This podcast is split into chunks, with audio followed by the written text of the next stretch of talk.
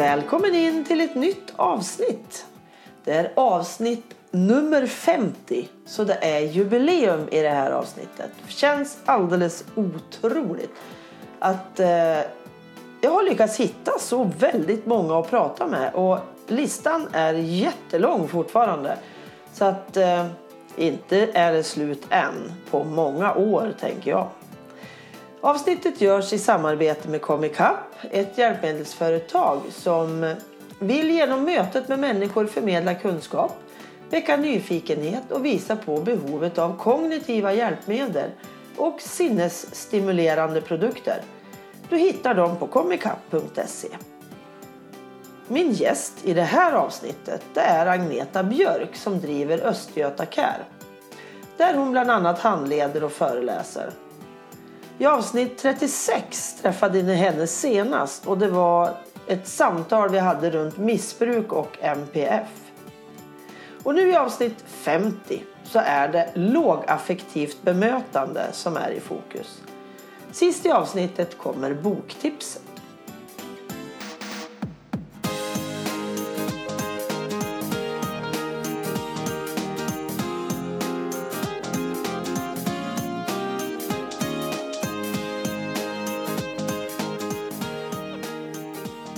Hej Agneta och välkommen till Familjebalanspodden igen. Tack snälla Ann-Katrin för att jag fick vara med igen. Det var så fantastiskt roligt förra gången. Ja, det är ju precis så jag känner också. Det känns som att vi har mycket gemensamt och jag kan lära mycket av dig också. Och eh, det känns som att eh, vi behöver dela med oss av det vi kan. Så Idag tänkte jag, du kan ju berätta lite kort om vem du är, för det är ju kanske någon som lyssnar för första gången och kommer in på det här avsnittet. Så att, berätta lite. Ja visst. Jag är sjuksköterska i min grund och har nästan hela mitt yrkesliv jobbat med missbruk, psykiatri och neuropsykiatri. Numera så är jag verksamhetschef för ett äldreboende för missbruk där vi jobbar lågaffektivt. Och det ska vi prata lite mer om sen ju, vad det faktiskt innebär. Ja, sen har jag jobbat med utredningar, jag har jobbat med barndomsanamnes, jag har jobbat med anpassningar. Sen har jag också en vuxen dotter med ADHD som säger det är klart att du får prata om mig. Mm. Men jag brukar prata om min roll när jag pratar om henne. Så att, ja, eh, jag är tacksam för den lärdom jag har fått av det och jag vill att andra föräldrar ska få ha det lätt att få hjälp och där är vi ju inte riktigt än så det är ett av mina Nej. missions också. Ja men precis. Precis. Men du sa alldeles nyss så sa du vi ska prata om lågaffektivt bemötande. Och det hör man ju talas om idag. Och så ibland så står det labb. Och jag vet från början funderar jag jättemycket, vadå labb? Jag jobbade Precis. ju liksom på ett labb för då var jag tandtekniker när jag läste det där första gångerna. Så att det, jag tror det blir mm. jättebra att vi reder ut de här begreppen och just vad lågaffektivt bemötande är. Vad, det, mm. Man hör ju Bo Heilskov pratar ju om det. Precis. Han är väl lite guru inom det området har jag en känsla av. För det, han har skrivit böcker och sådär. Men du ja. har ju också då föreläsningar och delar med dig av eh, hur man jobbar lågaffektivt. Precis, och lågaffektivt har ju sitt ursprung i att inte skada varken sig själv eller den som hamnar i affekt. Att hjälpa till att få ner ett lugn när man hamnar i kaos och det kaoset kan handla om att jag har ställt krav som man mm. inte kan motsvara. Att jag mm. har en dag som gör att idag funkar det bara inte. Eller att det händer någonting väldigt plötsligt som jag inte kan hantera. Och då behöver vi ha ett förhållningssätt. Lågaffektivt bemötande är ju ett förhållningssätt. Ja. Alltså ett sätt att vara både som förälder, som personal, i skolan, på boenden, kriminalvård, psykiatri, var du än befinner dig, där du möter människor som har svårt att kontrollera sina affekter. Alltså mm. lätt att det blir förstärkt för mycket och som behöver hjälp att få tillbaka kontrollen över sig själva. Mm. Och att vi är modiga och vågar ta ansvar mm. i de situationerna. För jag tror många får för sig att lågaffektiv, lågaffektivt bemötande, vad är ett krångligt ord, ja. Eh, att det handlar om att bara vara snäll. Nej, eh, alltså ibland så handlar det om att alltså, på riktigt säga stopp, mm. inte dit, bara peka, öppna dörrar, flytta på andra människor. Mm.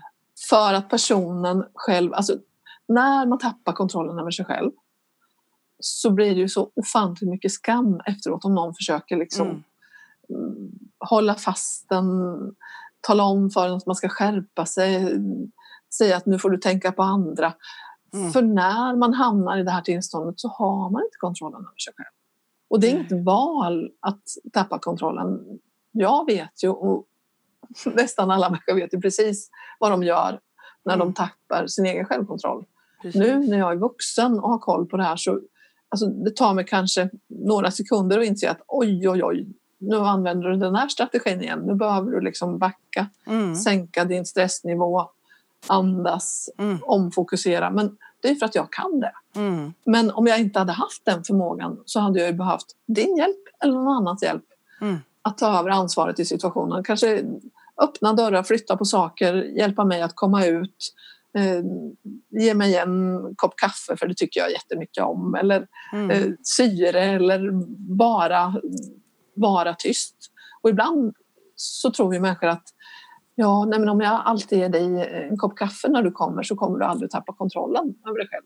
Det är mm. inte det det handlar om. Det här handlar ju om när det blir kaos, då måste jag lösa det. Ja. När det har varit kaos, då mm. måste mm. jag ta reda på varför blev det det då? Mm. Då behöver jag undersöka tillsammans med dig. Mm. Vad var det som hände? Var det någonting som jag sa? Var det mitt kroppsspråk? Var det någonting som hade varit med dig? Hade du sovit dåligt? Mm. Eh, var du orolig över något? Var det någonting som var helt nytt som du inte visste hur du skulle bete dig i den situationen? Mm. Och när vi kommer på att ja, men, oj, oj, oj, eh, du hade ju ingen aning om vart vi skulle och du behöver veta vart vi ska åka när vi ska åka någonstans tillsammans. Mm. Så till nästa gång så kommer jag att berätta för dig både hur det ser ut och vart vi ska och hur mm. länge vi ska vara där. Ja, men då är chansen mycket, mycket bättre att du kan hålla kollen på dig själv. Mm. Behålla dina affekter lite lagom, tycka att det är intressant och spännande men inte så spännande så att du tappar kontrollen över dig själv. Mycket med lågaffektivt mm. bemötande är ju det här att det är ett långsiktigt arbete. Det är inte bara att lösa när det smäller. Utan Nej. det är hela den här vägen fram till att det inte smäller, tänker jag. Mm. Att för, från början kanske det är bara att, att bryta i kaoset. Men sen ja. med tiden tänker jag så jobbar man upp en, den här strategin som du pratar om. Mm. För att jag ska slippa så många sådana tillfällen som möjligt. För jag Visst. vet ett tillfälle som jag hade, det hade jag lärt mig av en kompis till mig som alltså mina barn är ju födda 88 och 90 så det är ju ganska länge sedan, det är ju i 30 år ungefär. Mm. Och då fanns inte, då pratar man inte lågaffektivt bemötande. Men jag hade ju jätteproblem att få med mig mina barn från lekplatsen. Alltså de ja. ville ju inte därifrån. Det var ju, alltså jag höll ju på att bli galen. Och då sa min kära kamrat då, Ann-Sofie, men alltså förbered dem. Att om fem mm. minuter, även om de inte förstår fem minuter, nu får du gunga i fem minuter eller tio gungningar till och så kollar vi läget då typ. Alltså det var en process. Det var inte bara nu ska vi ja. gå hem. Och så, för jag såg ju jättemånga andra föräldrar, de slet ju loss sina barn från gungorna. Och jag mådde ju mm. jättedåligt. Och så kom jag ihåg det här som min kompis hade sagt. Ja men alltså det är ju förberedelsen det handlar om. Och då var barn alltså bara en par år, så det är ju ganska länge sedan. Men jag, har inte, ja. jag levde ju inte efter det alltid kan jag säga. När de blev Nej. större vart det ju andra kaos än bara att gå från lekplatsen. Men jag minns att det var ett jättebra sätt. Att eh, ja. nu ska du kliva av gungan om en stund.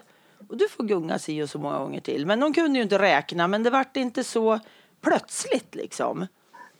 Nej, för plötsliga avbrott kan ju hos vissa barn och väldigt många barn, för barn har ju liksom inte den här tidsuppfattningen, de har inte framförhållning, de är inte särskilt flexibla i sig själva utan ja, men nu gör ju de något som är kul och de skulle kunna hålla på tills de somnar men då tappar de ju all energi och det är ja. det som är vårt jobb som föräldrar och även tänker jag när, när man träffar vuxna som, ja. jag menar, som skulle kunna sitta och bygga pussel 24 timmar och glömma att äta eller vara ute och gå hur, hur långt som helst för att man tycker om att gå.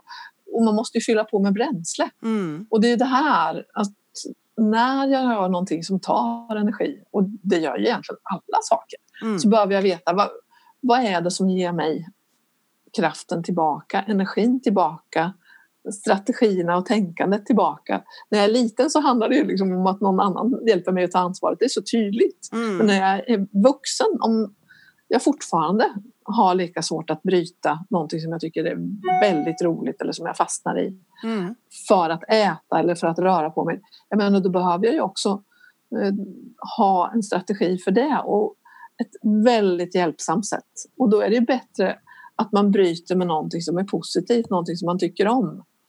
Än att säga att eh, om det värsta jag vet så är att städa så säga ja nu när du har suttit och spelat spel här med din kompis i fem timmar Mm. och är jätteupptagen och tycker det är jätteroligt så säger ja kom nu så ska vi städa. Jag menar det är ju kört. Det är liksom Däremot att Ja. först så ska vi fika när vi har fikat. Då kan vi städa. Mm. Och det här handlar ju om oss också när man både förälder men också när man är personal. Mm. Att ta reda på hur gör jag? Hur ser jag ut när jag kliver in på mitt jobb? Mm. Eller när jag kliver in på skolan, fritids, för att hämta mitt barn. Mm. Det är ju samma sak där. Kommer jag inspringandes och är jättestressad med telefon i handen och vi måste skydda oss, nu har vi jättebråttom. Ja. Affären är öppen i fyra timmar till. Eller Ja. något sånt. Det är, det är ju liksom det här att vi, vi inte tar oss tiden och det handlar ju kanske om en halv minut eller Ja. på vägen från jobbet att ja, men, lyssna på en podd, lyssna på eh, musik, eh, Mm. lyssna på naturen, Mm. göra någonting som ställer om mig till den situation där jag har ett större ansvar. Och det har jag ju när jag kommer till förskolan och skolan, när jag kommer till jobbet också. Mm. För om jag inte har koll på att mitt ansiktsuttryck, mitt kroppsspråk, mitt tonfall utstrålar stress, irritation så smittar jag ju de som är runt omkring och jag får ju mycket svårare att få till ett lugn för då har ju jag eldat på affekter Ja. antingen på jobbet eller mm, hos kanske mina egna barn. Och där om jag kan hitta mitt sätt att precis. förbereda mig också. För om jag är förberedd så funkar det mycket bättre. Sen så kan man ju veta vilka platser ibland som det krånglar till sig. Jag menar, är det trångt någonstans Mm. och man ska säga någonting som är riktigt besvärligt när man jobbar. Så man ska ge någon ett negativt besked eller alltså man behöver ju tänka på hur placerar man sig i ett rum till exempel. Ja. Så att man ger den personen som man vet har starka affekter fri lejd, möjlighet att gå ut därifrån om det blir för mycket och man Mm. inte orkar mer. Nej men precis. Och inte hugga tag liksom. Men kom nu, var inte prata klart. Mm. Det Aldrig funkar ju liksom inte. Markera sig, ställa sig mitt emot, be någon titta i ögonen, be någon behärska sina känslor för det kan man inte när man har tappat Nej. kontrollen över dem.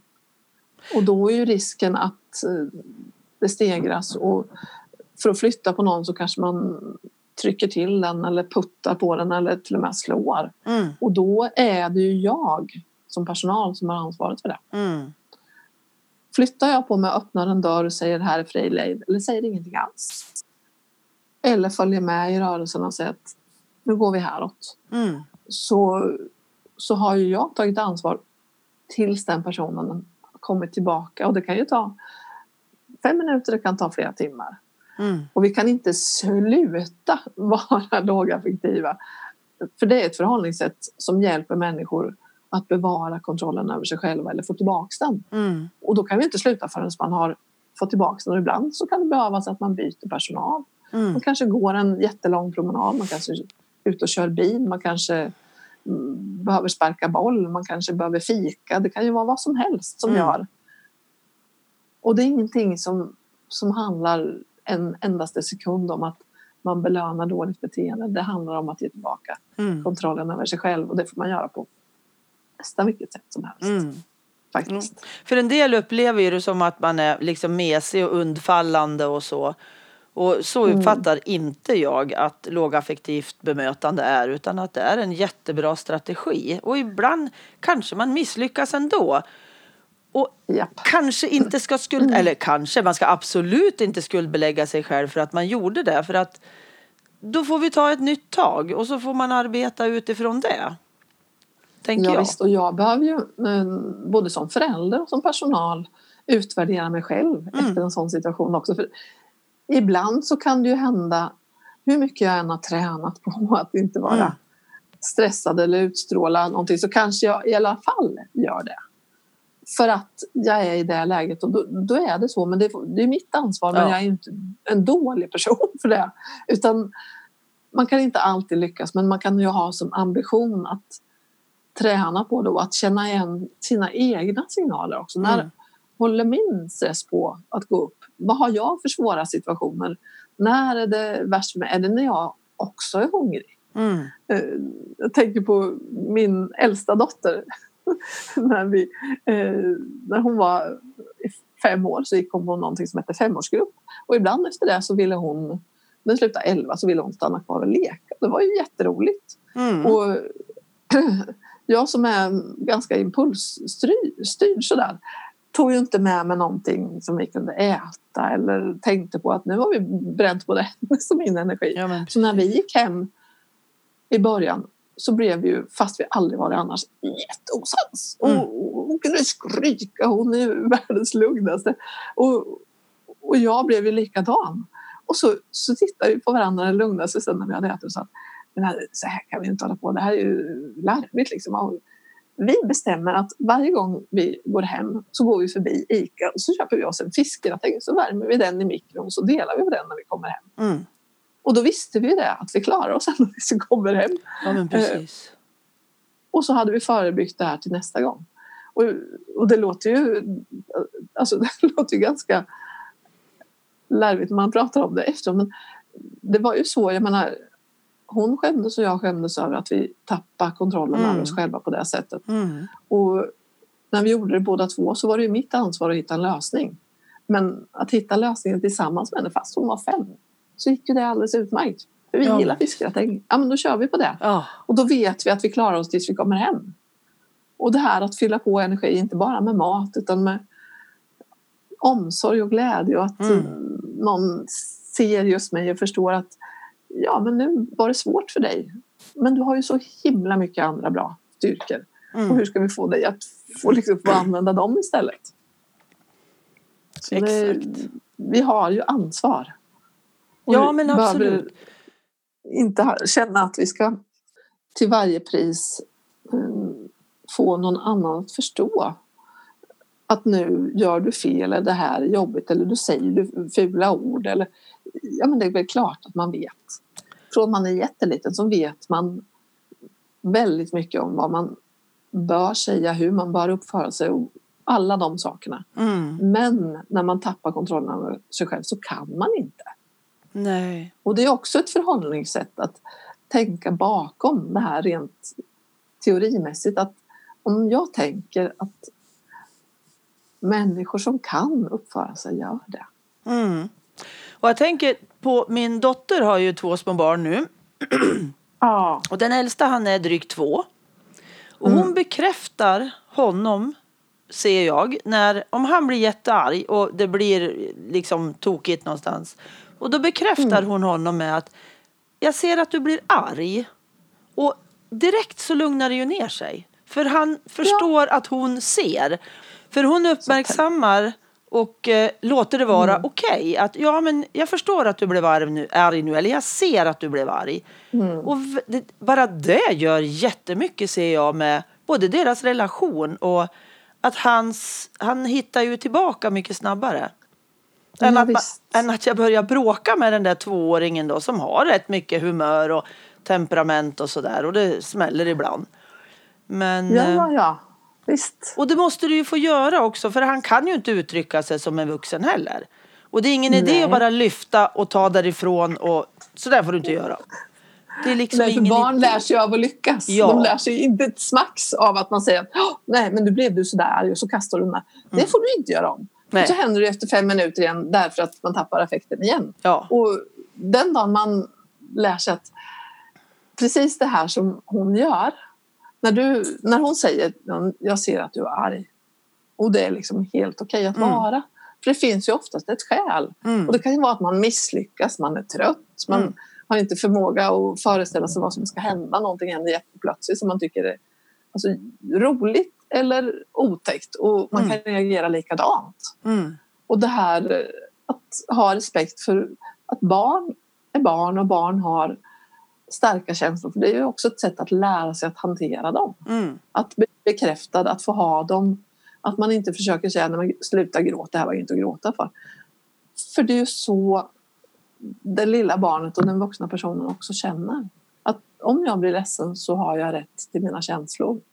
Sen behöver jag ju träna tillsammans med andra, modellera hur starkt. Alltså ställer jag mig ute på torget precis efter mitt kontor och skriker ut att jag är ledsen så, så kanske det är lite orimlig reaktion även om jag är väldigt ledsen. Mm.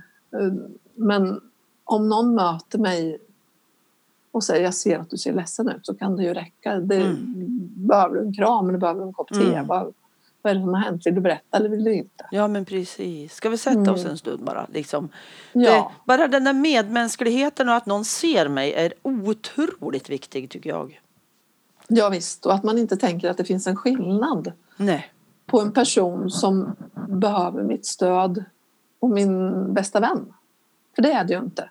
Man behöver olika former av stöd. Ja. Man ger- har olika eh, relation till varandra förstås. Men det här att vara människa, att det i grunden är vi är alla samma, Mm. men vi fungerar på olika sätt. Precis. Och mänskliga rättigheter och etik. Att inte tänka att för att jag jobbar med dig, om du är ett litet barn eller om du är en vuxen så, så får jag bestämma åt dig vad du ska tycka, vad du ska känna, vad du ska tycka är roligt. Det är ju ingen som kommer hem till mig och gör Nej. och säger att ja, men, eh, idag eh, är det tisdag, då, då tycker jag att du ska läsa eh, en bok. Och så Mm. tänker jag att ja, men jag behöver ju kratta gräsmattan. Ja. Nej men det är ju tisdag, då läser vi böcker. Ja men precis. Och jag kan ju strunta i det men om jag är rädd för den eller den personen har mer makt än vad jag har så kan jag göra det i alla fall. Mm. Utan att se till mina egna behov. Och jag Mm. kanske inte ens kan uttrycka dem, jag kanske inte har ett språk. Nej. Och då har jag ju ännu större makt som personal. Precis. Att tolka och sluta tolka. Mm. Mm. Jo, så tänker jag på många av ungdomar eller unga vuxna som nu går över från ja, barn till vuxen. Ja.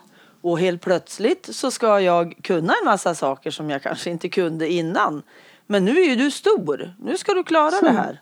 Och det blir ju Precis. jätte, jättejobbigt tänker jag. Alltså jag måste ju komma Ja, ihåg visst. att den här människan behöver ju ett stöd.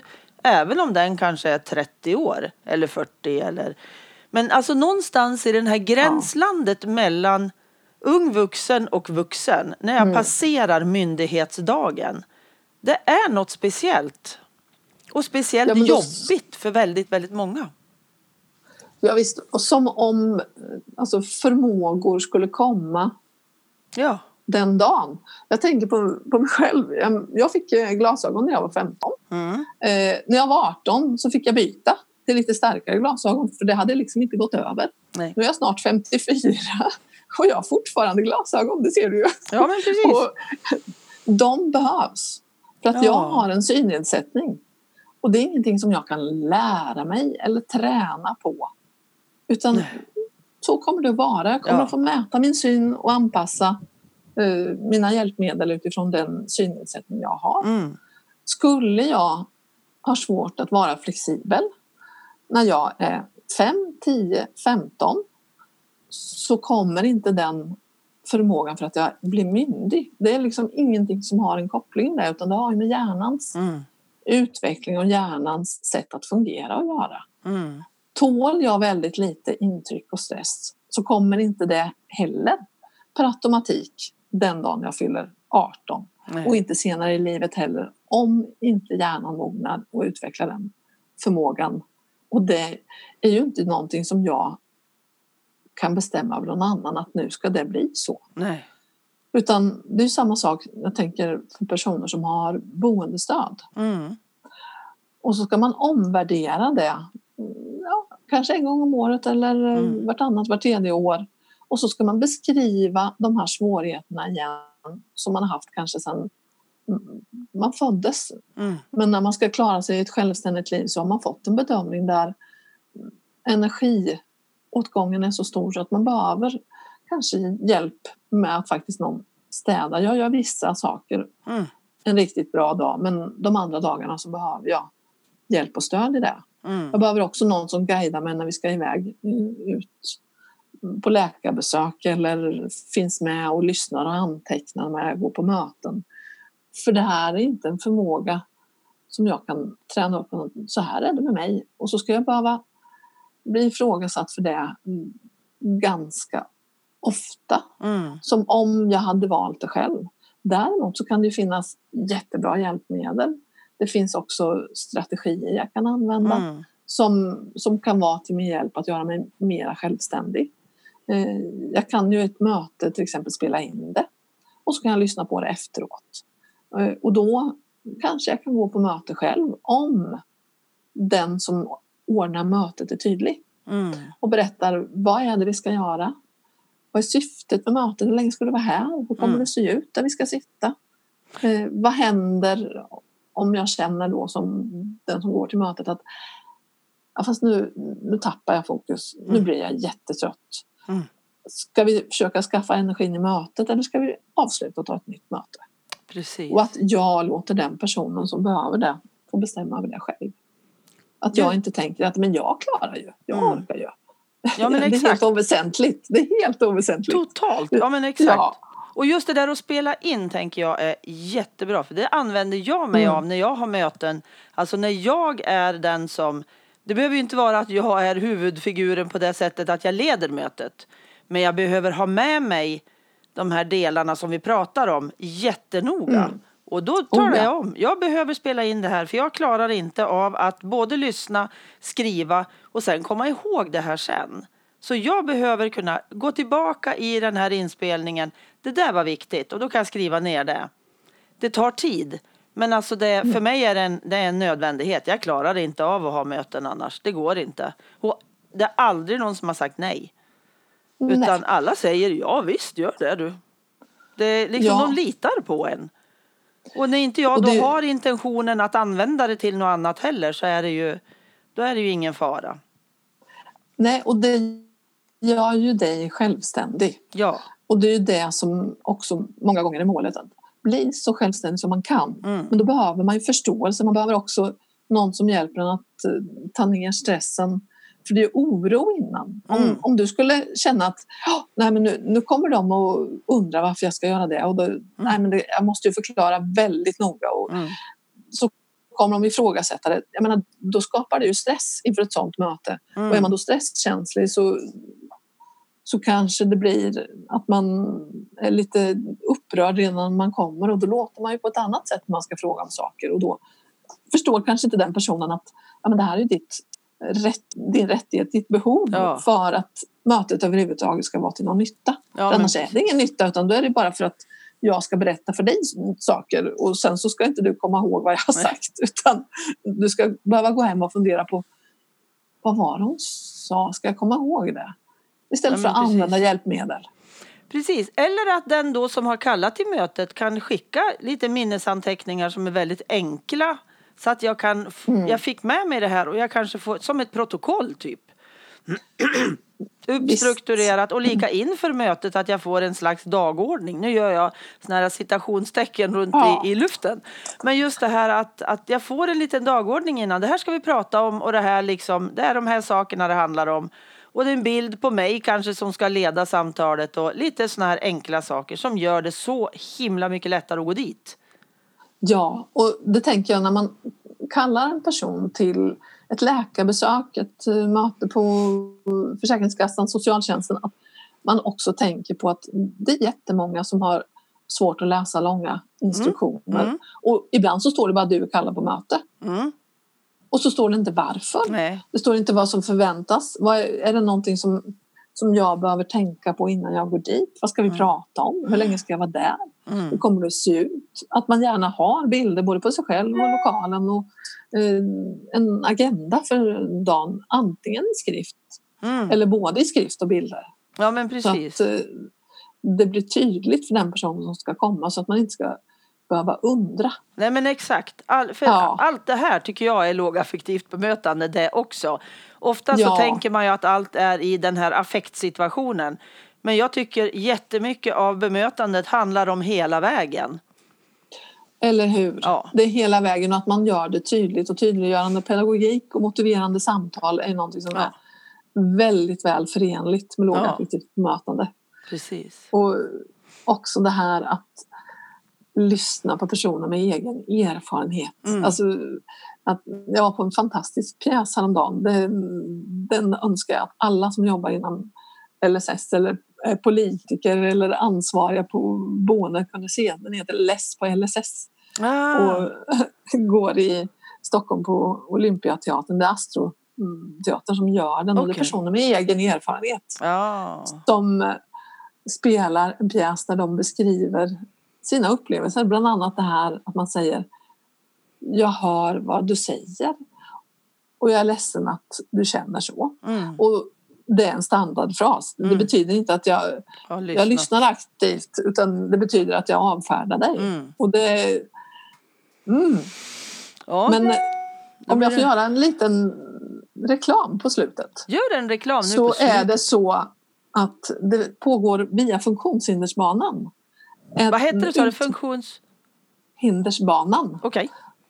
Och där pågår det en utmaning till alla LSS-politiker i hela Sverige, i alla kommuner, Mm. att gå ut och göra praktik Ah, mycket bra. på LSS-boenden för att förstå hur är det att bo där då? Ja. Vad är det att vara med grannar som man inte har valt? Hur många aktiviteter ska man göra tillsammans med sina grannar? Mm. Hur mycket bestämmer man över personer som bor på LSS-boenden? Mm.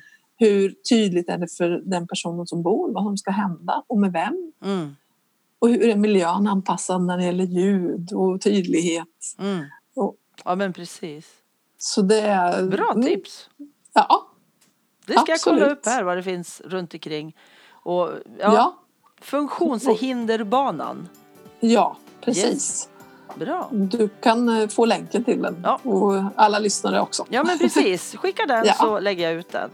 Men Toppen. tusen tack Agneta. Vi bryter här för jag Tack vet själv. att du har annat du ska pyssla med nu framöver. Ja, Så tack snälla och eh, vi kommer säkert att ses igen i något mer poddavsnitt. Tror jag. tack. Ja, Bra. det hoppas jag också. Tack snälla Tack och Agda, tack. för idag. Tack, hej. Ha det gott. Hej då. Hej.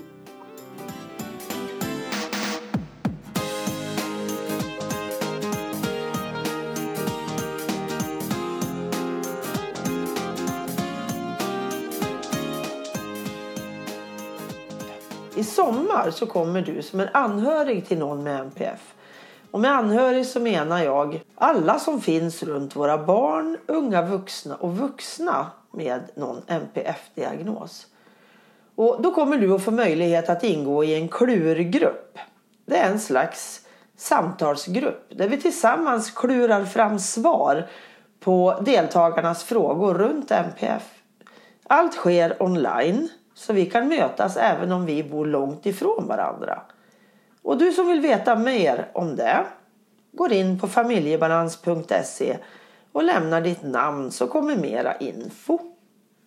Och är det något annat du funderar över eller vill berätta någonting för mig så får du gärna mejla mig på info.familjebalans.se Boktipset Lågaffektivt bemötande Lågaffektivt bemötande har visat sig vara framgångsrikt i hanterandet av konflikter och beteendeproblem. I denna bok presenteras lågaffektivt bemötande utifrån en mängd olika verksamheter och infallsvinklar. Författarna visar hur det lågaffektiva bemötandet är användbart inom såväl förskola och skola som när man arbetar med traumatiserade barn och unga och inom psykiatrisk vård. Metodens teoretiska utgångspunkter, dess etik och humanistiska grundsyn presenteras. Vidare visas hur metoden kan användas föräldrastödjande och hur man konkret och systematiskt kan arbeta med lågaffektivt bemötande inom organisationsutveckling och i handledning. En lagstiftning som gäller vid hotfulla och våldsamma situationer diskuteras också. Den lågaffektiva metoden har utvecklats i Sverige av legitimerad psykolog Bo Heilskov Elfven som även är en av författarna till boken. Han har tidigare skrivit flera böcker i ämnen men det här är första gången det lågaffektiva bemötandet presenteras genom flera olika verksamhetsperspektiv i en antologi. Lågaffektivt bemötande riktar sig främst till blivande och yrkesverksamma psykologer, pedagoger samt vård och omsorgspersonal men kan med fördel även läsas av den som vill öka sin kunskap om lågaffektivt bemötande. Tack för att du lyssnat. Tack till Pelle Zetterberg för musiken, till Pernilla Wahlman som fotade, Marcus som fixade poddloggan och till Anders för att du redigerar mitt prat. Och tack till Comicap för samarbetet. Gå gärna in på Familjebalanspoddens Facebook-sida och lämna en recension. Det är sånt som gör mig jätteglad. Hoppas vi hörs igen. Hej då!